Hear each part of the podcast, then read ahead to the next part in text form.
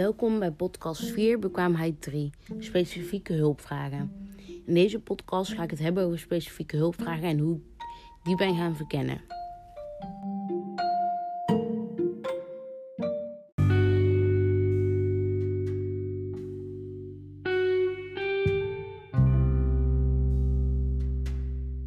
En wat zijn nou specifieke hulpvragen?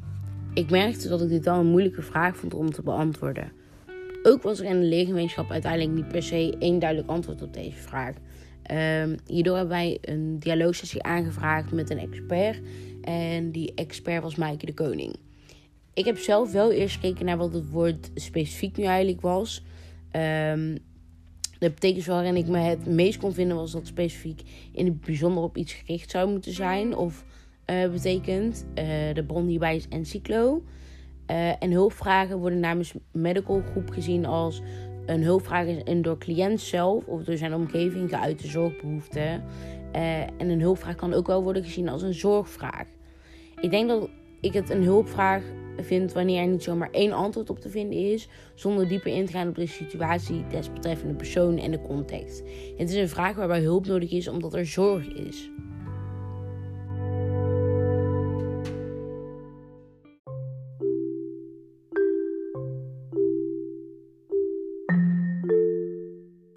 Zoals ik net al eerder had benoemd, hebben we samen met Maaike de Koning een dialoogsessie, gehad over specifieke hulpvragen.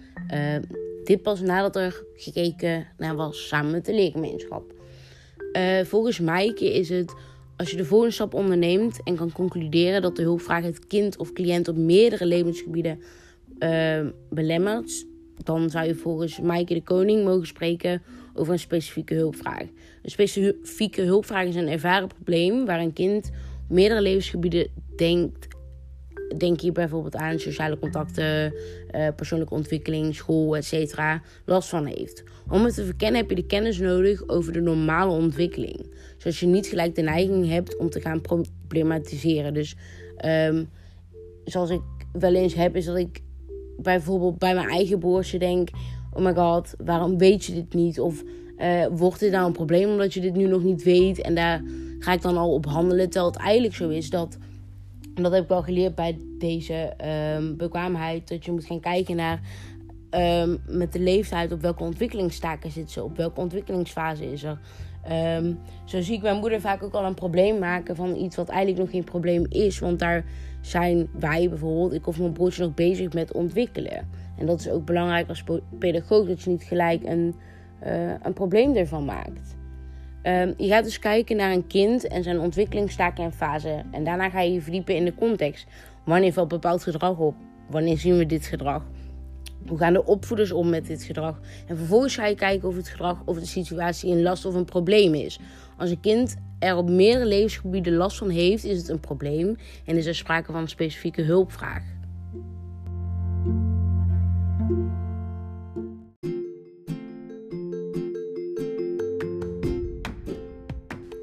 Later in het semester hebben wij samen met de leergemeenschap ervoor gekozen om nog eventjes wat meer te verdiepen op hulpvragen. Um, dit aan de hand van bijvoorbeeld verschillende casussen. En daar zijn wij in groepjes uh, gaan kijken naar de casus en wat ons op is gevallen. En uh, hier hebben we best wel verdeeld aan gewerkt. Dus we hebben zowel groepsdelen gehad als dat je zelf even ging kijken als pedagoog van oké, wat valt mij op? Wat vind ik belangrijk? Um, ik zelf had de casus van Siti, een tienjarig meisje van Indonesische afkomst. Um, ik ga de casus even heel kort met jullie bespreken. En daarna ga ik de stappen die ik heb gemaakt uh, benoemen.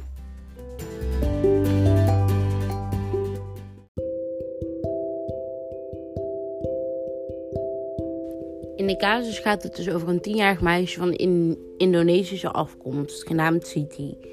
Zij werd hierna ondergebracht bij pleegouders die haar na twee jaar mochten adopteren. Uh, haar moeder was uh, verslaafd en kon eigenlijk um, niet voor Siti zorgen. Uh, daarna werd ze opgenomen door pleegouders en die hebben haar dus na twee jaar geadopteerd. Haar biologische moeder heeft zich nooit gehouden aan de bezoekregelingen en ehm, die moesten eigenlijk leiden tot herstel van moeder- en kindrelatie. Sinds de plaatsing is Siti goed ontwikkeld. Ze zit nu op de basisschool in groep 6. In haar peuterkleutertijd was Siti een rustig meisje dat heel goed mee kon komen. Ehm, met veel vriendjes en vriendinnetjes die ze had. In groep 5 begint zij zich af te zonderen en de leerkracht merkt dat zij niet meer optrekt met de andere kinderen. Ze speelt vaak alleen en zit voor zich uit te staren en ziet die kan goed leren. En ze is ook heel ijverig, maar ze kan dan weer niet voor zichzelf opkomen als ze door andere kinderen wordt geplaagd. Die raakt helemaal van streek als ze ruzie heeft met anderen. Ze kruipt dan in haar schulp en maakt zichzelf zo klein mogelijk. En City probeert de aandacht van de andere klasgenoten te trekken door dagelijks snoep aan hun uit te delen. En ondanks deze actie wordt er voor over haar heen gelopen door de anderen. Ze wordt nooit uitgenodigd voor een verjaardagspartijtje of um, om na schooltijd samen iets te doen. In de volgende stukken ga ik jullie vertellen hoe ik deze casus heb aangepakt. Um, ook zal er vaker in terugkomen dat je dingen terug kan vinden in mijn schriftelijke portfolio. Hierdoor zodat de podcast niet te lang duurt.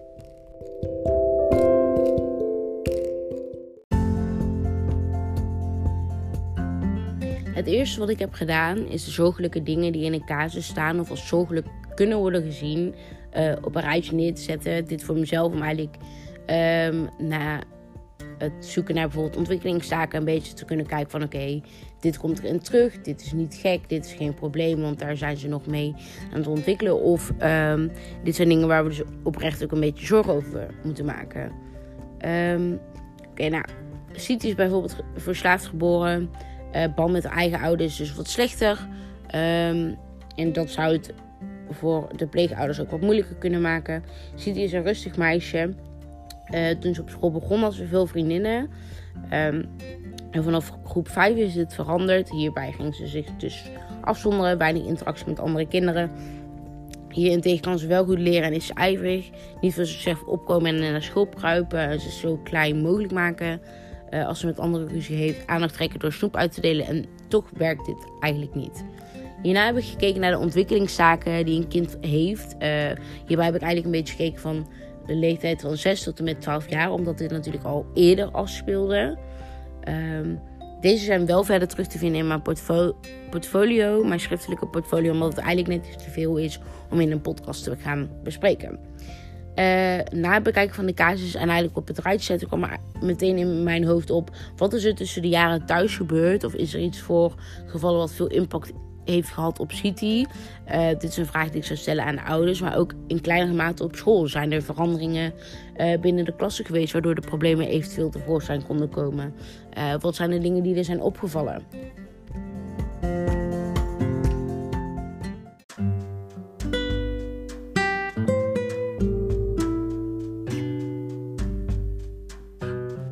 Ik heb dus gekeken naar de ontwikkelingstaken en fases en de sociale ontwikkeling waarin City met haar leeftijd uh, in zit om te ontwikkelen. Um, dit heb ik dus verder uitgelegd in mijn schriftelijke portfolio. Ik heb dit dus gedaan om te kijken of dat de hulpvragen een probleem zijn. Of dat het iets is wat nog wat meer geduld nodig is. Um, omdat ze hier nog mee bezig is om te ontwikkelen. Uh, dan zou je namelijk gewoon kunnen kijken of je het kan ondersteunen. Of het wat makkelijker voor haar kan maken. Of voor de ouders of uh, voor de docenten om um, haar wat beter mee te helpen. Um, vragen bedenken voor het kind, ouder of betrokkenen binnen de casus. Ik ga dus kijken welke info ik nodig heb. Welke vragen moet ik stellen om deze info te krijgen. En hoe verwoord ik deze. En in welke volgorde zet ik deze. Um, deze vraag heb ik dus eigenlijk een beetje beantwoord en meegenomen met het maken van deze casus. Uh, je moet namelijk context halen om vast te stellen of het daadwerkelijk een probleem is voor de ouder of het kind. Uh, en of er een specifieke hulpvraag uitkomt. In het proces kun je verder lezen in mijn portfolio. Uh, dit heb ik samen met een groepje gedaan. en de conclusie uit deze casus is dat er voor mij wel specifieke hulpvragen naar boven komen. er zijn hulpvragen waar Cici van zowel City als van de ouder, maar ook de docenten, uh, waar ze eigenlijk hulp uit kunnen gebruiken. Um, de punten die ik daarbij heb benoemd zijn het helpen van, met de juiste motivatie bij City. Dus uh, het bijhouden van het feit dat ze dus leergierig is en ijverig. Um, maar ook het motiveren van een juiste manier van uh, interactie met bijvoorbeeld andere kinderen. Maar ook het blijven proberen. Um, uh, met het contact leggen met de andere kinderen, wat nu eigenlijk niet zo goed gaat. Uh, ook heb ik neergezet dat uh, een van de hulpvragen die bij mij naar boven kwam, is dat positieve ervaringen die heeft ze dus blijkbaar niet zoveel meer. Die heeft ze wel gehad, maar die gaan nu minder goed. Dus een van de dingen die we zouden kunnen doen is het helpen met positieve ervaringen maken. Door taken te geven waar ze interactie heeft met kinderen en eventueel ook ehm, wat met de kinderen te doen of voor te doen. Maar bijvoorbeeld ook door uh, in kleine tweetallen door de docent dan uh, worden samengezet en iets wat um, makkelijke positieve ervaring kan worden. Ook zou ik met de ouders communiceren over bijvoorbeeld snoep uitdelen en samen kijken hoe ze ziet die kunnen helpen. Met andere manieren vinden om aandacht te trekken. Um, dit is dus de hulpvraag. Eigenlijk het veranderen van gedrag. Uh, waar ze bijvoorbeeld wil terugtrekken of dat aandacht vragen door snoep uit te delen. Um, dus hierbij ga je helpen met zelfvertrouwen opbouwen door, bij middel, door middel van bijvoorbeeld een kwaliteitsspel. Um, ik zou deze dus uitvoeren met de klas, waarin de klas eigenlijk iets uh, positiefs mag zeggen over uh, de andere leerling. En dat de hele klas het dus met elkaar doet. Zo um, maak je het ook weer wat positiever. En vaak heb je dus met kinderen dat ze bijvoorbeeld uh, in bijzijn van de opvoeders wat makkelijker dit soort taken opvoeren. En dat dit vaak een icebreaker is om dit dan zelf wat vaker te doen.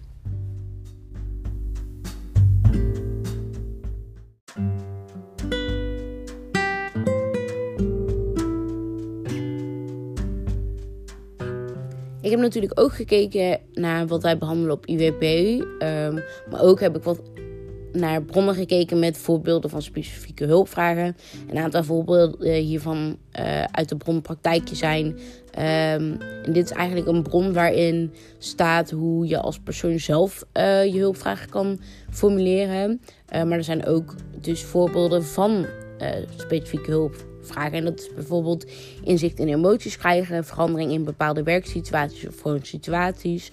Weet waar je staat in de relaties uh, om je heen. Verdriet, angst of boosheid verwerken. En, en of begrijpen waar het eigenlijk een beetje vandaan komt.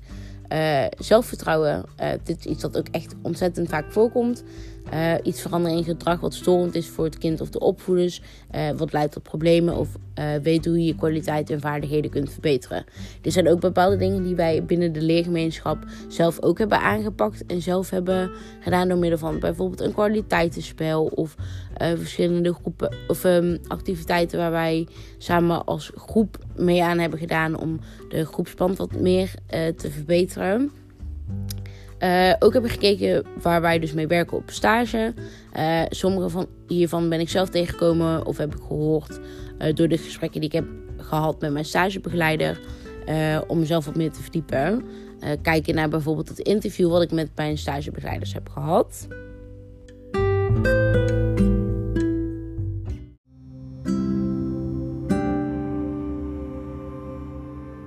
Hulpvragen die ik bijvoorbeeld tegenkom. Uh, hulpvragen die te maken hebben met faalangsten of met eetproblemen. Uh, bijvoorbeeld, hoe kunnen wij ervoor zorgen, en dit heeft dan misschien ook wel een beetje te maken met vertrouwen, dat we stappen zetten in de richting van anders nadenken over eten of over bepaalde dingen opnieuw proberen. Um, wat ik bijvoorbeeld bij mijn IWP zie, is dat dat wel eens helpt uh, door middel van dieren.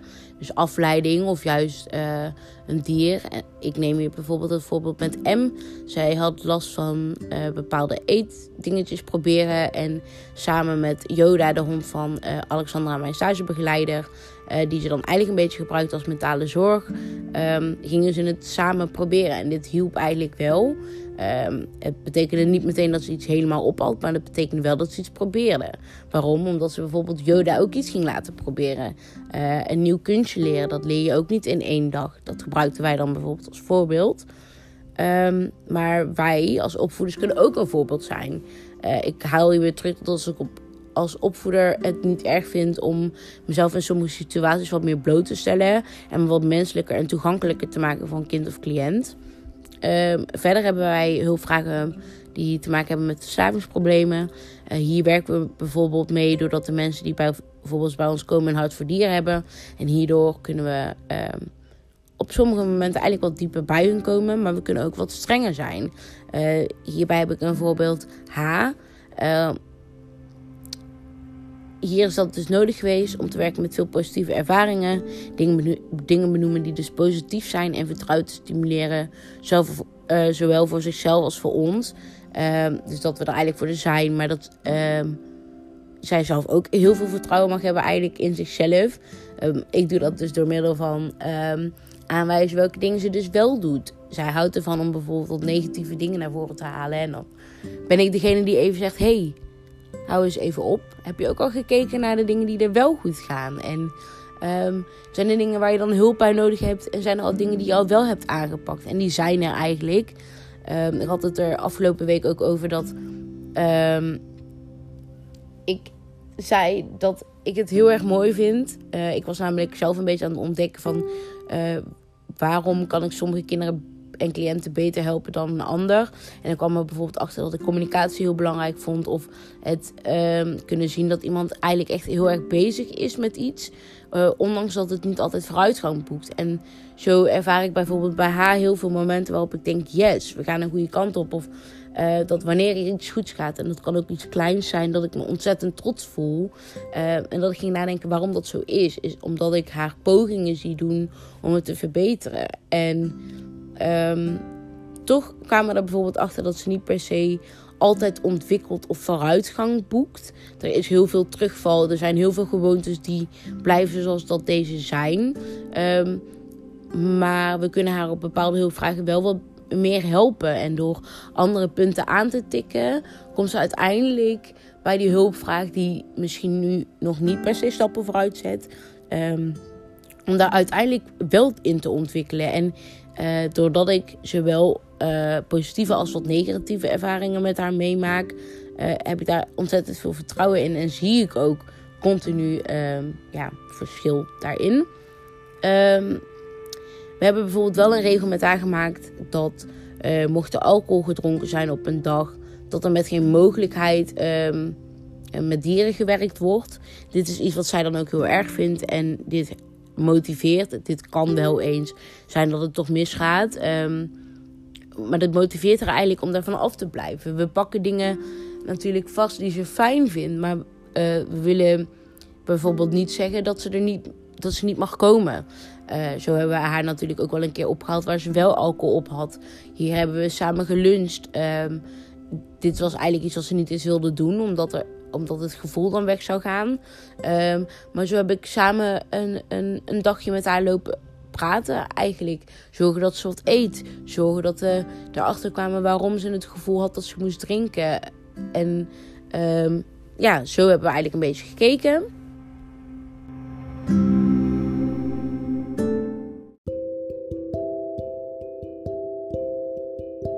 Hierbij quoteer ik Alexander Hammerman. Mijn collega's en ik blijven ons met regelmaat bijscholen en zijn altijd geïnteresseerd om ons te verdiepen in stoornissen, thema's en gedragsproblemen. Uh, dit zie ik ook wel terug op, uh, op mijn IWP. We hebben nu bijvoorbeeld S, uh, die meeloopt op IWP.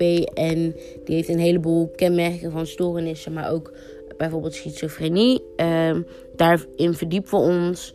Um, en daarbij heeft iedereen eigenlijk een beetje een rol om te kijken, oké, waar moeten we ons nou wat meer op verdiepen?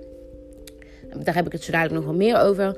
Er wordt onder andere hulp aangeboden bij mijn UWP met hulpvragen zoals eetstoornissen, uh, kinderen met ontwikkelingsstoornissen, autisme, dagbesteding, vertrouwensproblemen, PTSS en licht tot zwaar beperkte kinderen met ontwikkelingsproblemen. Um, we werken ook met kinderen dus met een beperking. Dit vaak omdat de ouders uh, een specifieke hulpvraag hebben uh, om hun te ondersteunen met het bijhouden van de ontwikkelingen die ze nu uh, bijvoorbeeld hebben en die dus verder te ontwikkelen. denk je bijvoorbeeld aan Dani. hij kan wel zelfstandig naar de wc, maar dit ging heel erg slordig. we hebben hiermee geholpen door eigenlijk wel aan te geven dat het super goed is.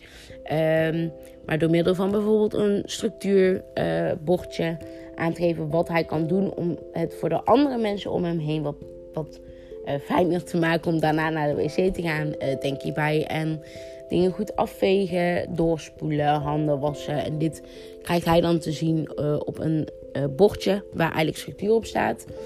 dit is één voorbeeld. De hulpvraag komt vaak van ouders omdat ze het nodig hebben, omdat ze het anders niet meer aankunnen. zo is dit bijvoorbeeld bij S ook. Het kost vaak heel veel energie om met deze kinderen te werken. Um, en daardoor kan het tussen ouder en kind uh, wat problemen kunnen veroorzaken. Ehm, zo hadden wij laatst de hulpvraag van de ouders van S om haar voor te bereiden op, ehm, op de vaccinatie. Maar zo heb ik ook een jongen met autisme. Uh, en die liep met hulpvraag of er geholpen kon worden met ontwikkeling. Zo weet ik dat ze met hem werken in en voor hem een veilige omgeving waar hij de ruimte heeft om zelf te ontdekken. Het is namelijk een grotere jongen, maar zijn sociale ontwikkeling loopt een beetje achter. Uh, maar hij heeft hier wel de ruimte om dingen zelf te kunnen doen, zonder dat er uh, zomaar iets ernstigs gebeurt. Um, hij heeft een veilige omgeving. Hij kan doen wat hij leuk vindt. Hij houdt ervan om te werken. Dus hij kan ons bijvoorbeeld helpen met de stallen uitwerken. En dat zijn allemaal dingen die hij normaliter misschien wat minder zou kunnen doen. Um, maar hij wordt hier ook gemotiveerd. En een duidelijke structuur wordt hier aangebracht door bijvoorbeeld een routineplank. Um, ik heb op mijn UWP op één keer na vaak kortere observaties gehad om te kijken naar hulpvragen. Uh, deze bespreek ik vaak met mijn stagebegeleider. Maar op sommige momenten heb ik ook wel kunnen meehelpen met het ontwikkelen binnen die hulpvraag. Um, hier heb ik ook een aantal voorbeelden van.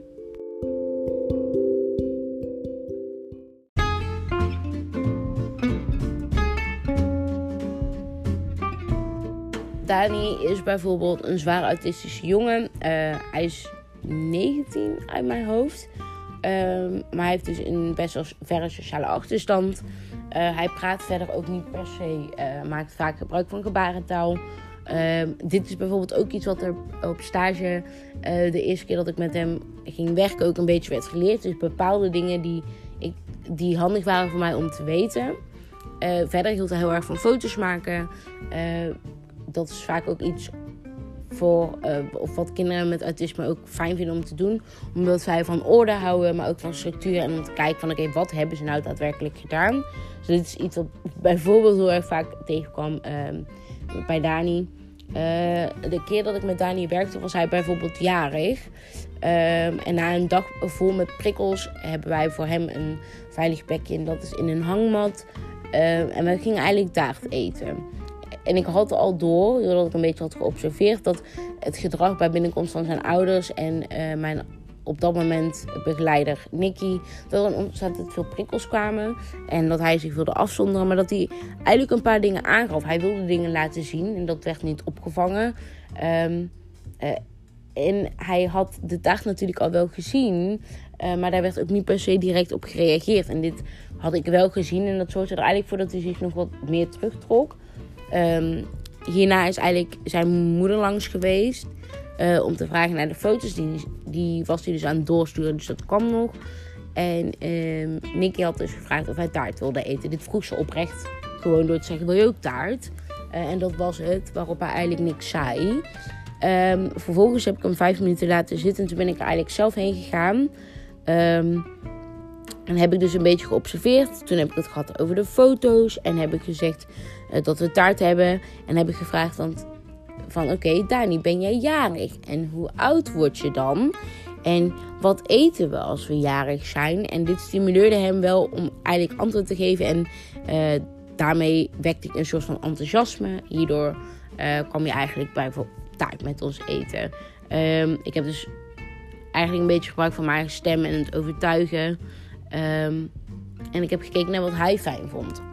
En zo heb ik ook bijvoorbeeld een cliënt gehad die de hulpvraag had om het vertrouwen te versterken. Hierbij was de context dat M veel last had van angsten als het aankwam op school. Um, faalangsten, weinig praten. M was 14, 15, 14. Um, weinig praten, ziek worden bij de gedachte dat ze naar school moest, zich afsluiten en zelfs niks inbrengen.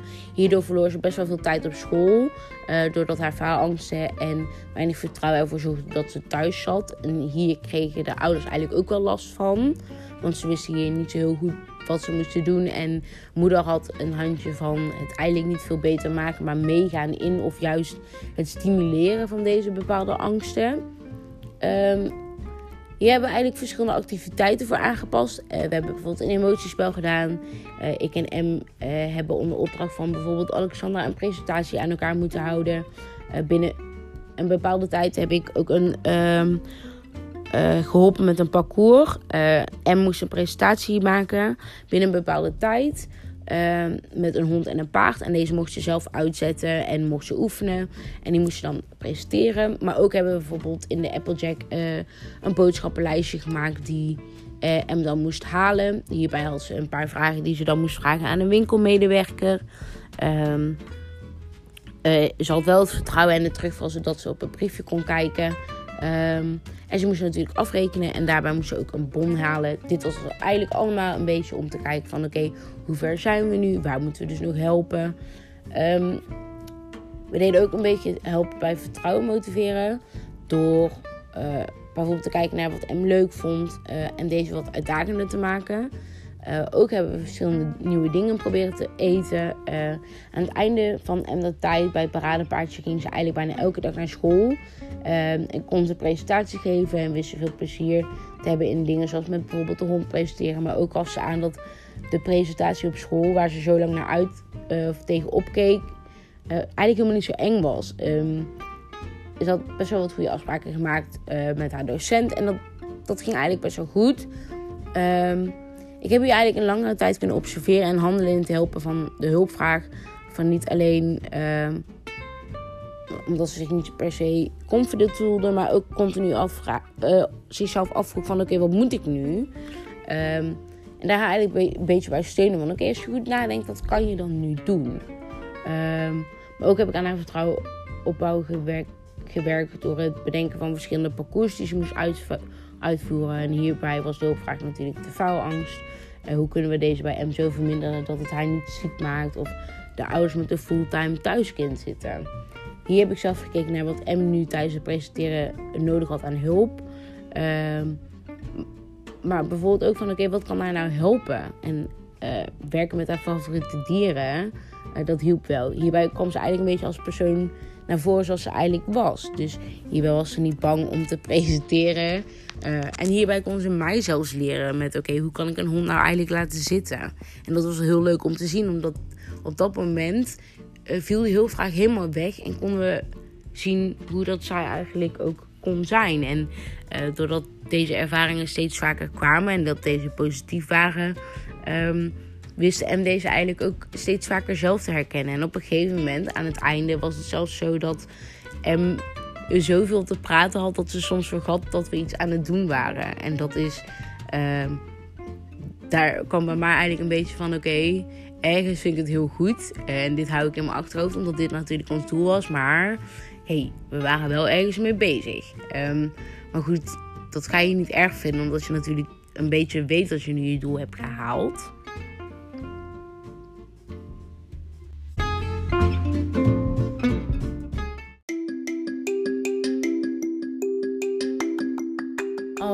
Laatst ga ik het hebben over iemand die ik voor langere tijd heb kunnen observeren. Om te kijken uh, welke hulpvragen ik zelf tegenkwam. Of met welke hulpvragen ik zelf zou komen. Um, de laatste paar weken heb ik gewerkt met Ash. Uh, dit is een meisje van 14 jaar. Die qua sociale ontwikkeling uh, een vierjarige zou zijn. Hier is laatst wel een interventie op gedaan. en deze hebben ze verlaagd naar 2,5 jaar oud. Dit aan de hand van een overleg tussen de professionals en naar aanleiding van een aantal situaties en kenmerken. Uh, bijvoorbeeld het huilen wanneer ze ontzettend moe is, niet willen aangeven dat ze moe is, het manier, haar manier van bewegen en zo zijn er eigenlijk nog wel een paar dingetjes. wat weet ik verder over S? Dus ze is dus 14 jaar en ze heeft een map met haar lopende stoornissen of thema's en beperkingen. die zijn hierin beschreven. Verder heeft ze altijd een tas bij, omdat S wel epilepsie heeft. Dit heeft ze al wel voor een hele lange tijd niet gehad, maar dit is wel iets wat zou kunnen voorkomen.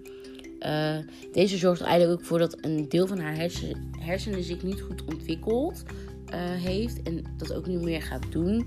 Daarnaast heeft ze last van agressieve buien waar ze in kan gaan schelden, schoppen en slaan. Hierin is ze in gedrag alsnog soms een 2,5-jarige.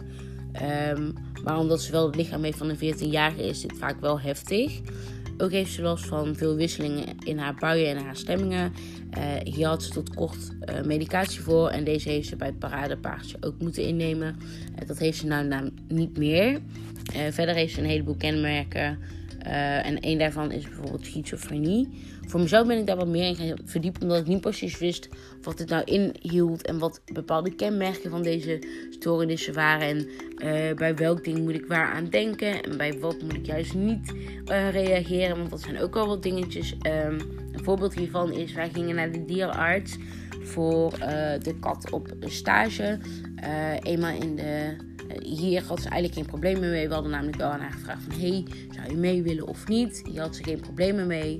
Uh, eenmaal bij uh, de dierenarts uh, gaf ze eigenlijk aan dat er voet sliep.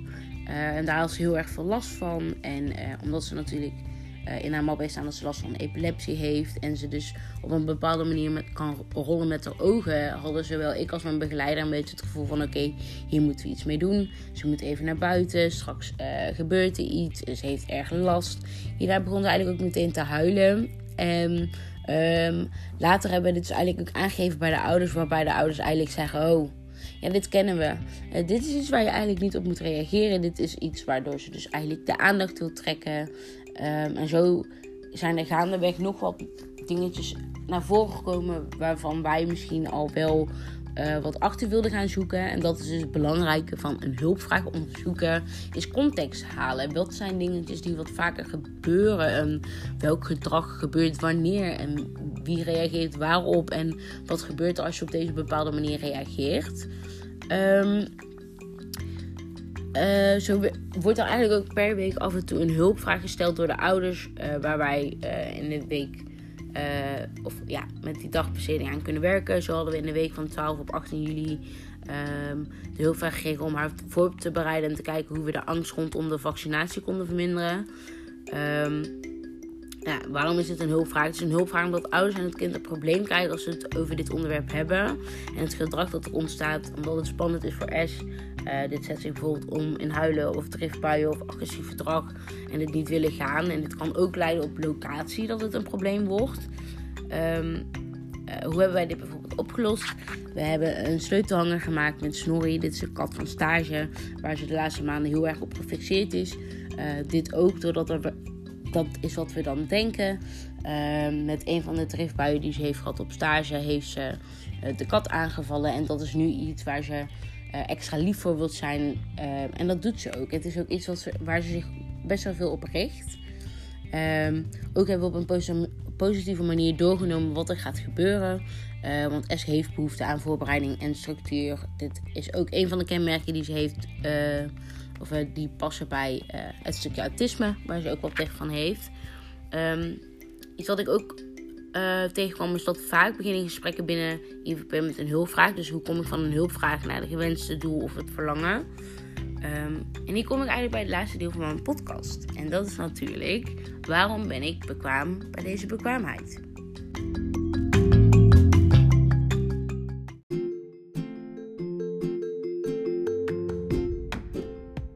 Mijn conclusie over waarom ik bekwaam ben, is omdat ik me heb verdiept in het verkennen van een specifieke hulpvraag.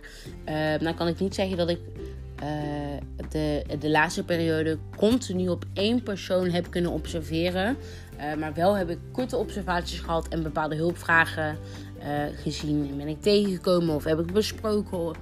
Um, en door middel van de interview ben ik ook een beetje achtergekomen hoe dat Alexandra en bijvoorbeeld Tessa mee omgaan. Is um, zij kijken bijvoorbeeld aan wat de hulpvraag is en wat zij kunnen bieden. Uh, maar zij hebben het ook vaak over van, oké, dit zijn bepaalde dingen die we dus niet kunnen doen. Uh, waar ik wel tegenaan ben gelopen, is dat ik bijvoorbeeld bij S niet helemaal goed wist uh, hoe dat we haar konden helpen met deze hulpvraag. En waarom we dat op deze manier konden doen. maar daar kom ik zo nog even op terug. Uh, ik weet dat ik context moet halen om te kijken of het daadwerkelijk een hulpvraag is. Een probleem dat zowel voor het kind als daarmee de omgeving een storend probleem wordt. Maar ook weet ik dat ik naar ontwikkelingstaken kan en moet kijken om te kijken of het nu daadwerkelijk een probleem is of een zaak uh, waar eigenlijk gewoon ondersteuning kan en mag plaatsvinden. En waarin ik kan helpen met, ja, zodat het eigenlijk geen groter probleem wordt. Uh, ook ben ik bekwaam omdat ik de verschillende soorten hulpvragen die ik tegenkom op stage weet te zien of weet uh, te vragen.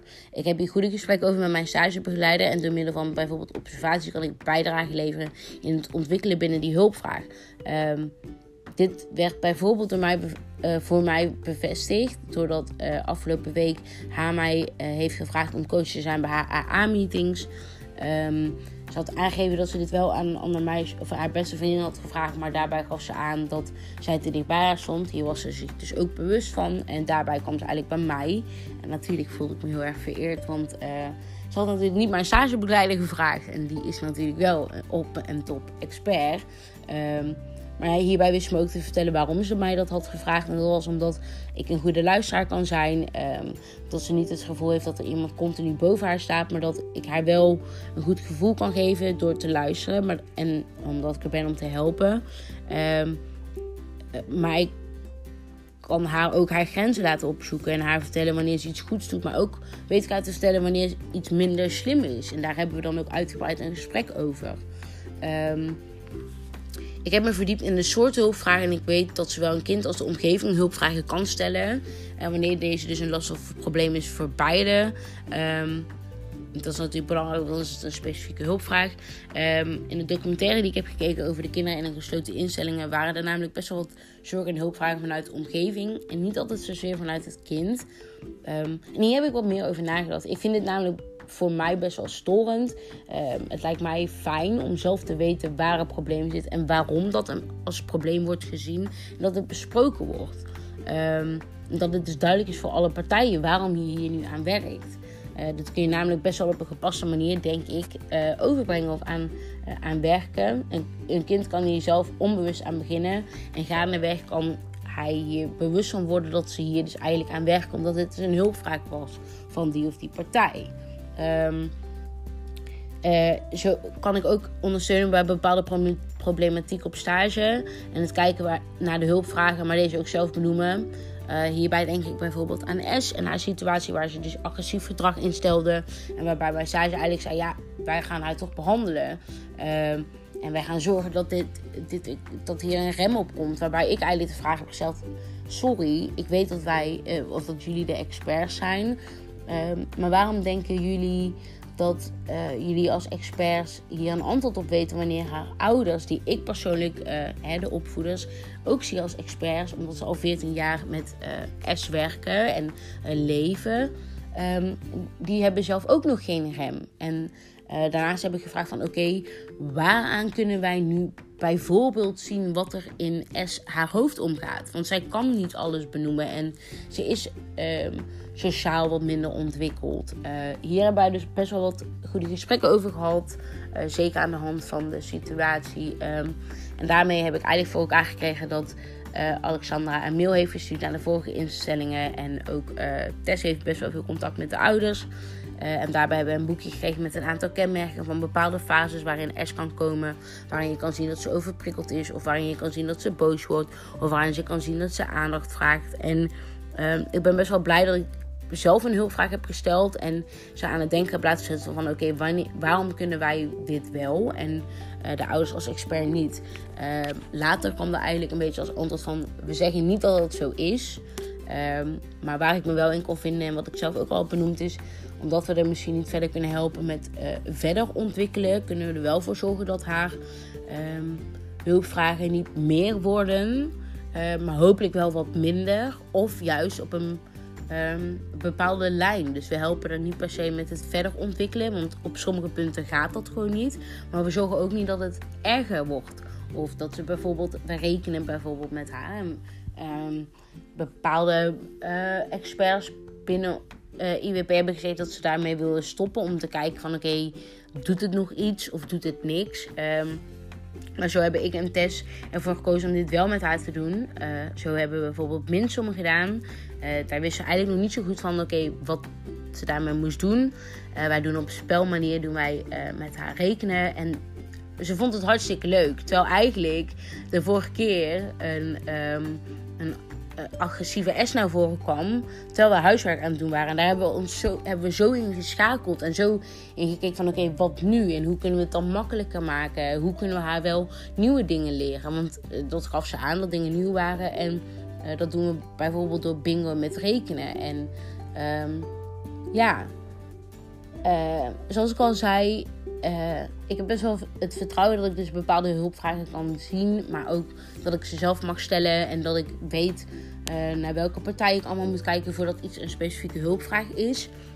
Um, bijvoorbeeld dat AH dit bijvoorbeeld aan mij heeft gevraagd, zorgt er eigenlijk wel een beetje voor dat ik um, me daar ook wel positiever in voel. En dat ik dit ook echt kan zien.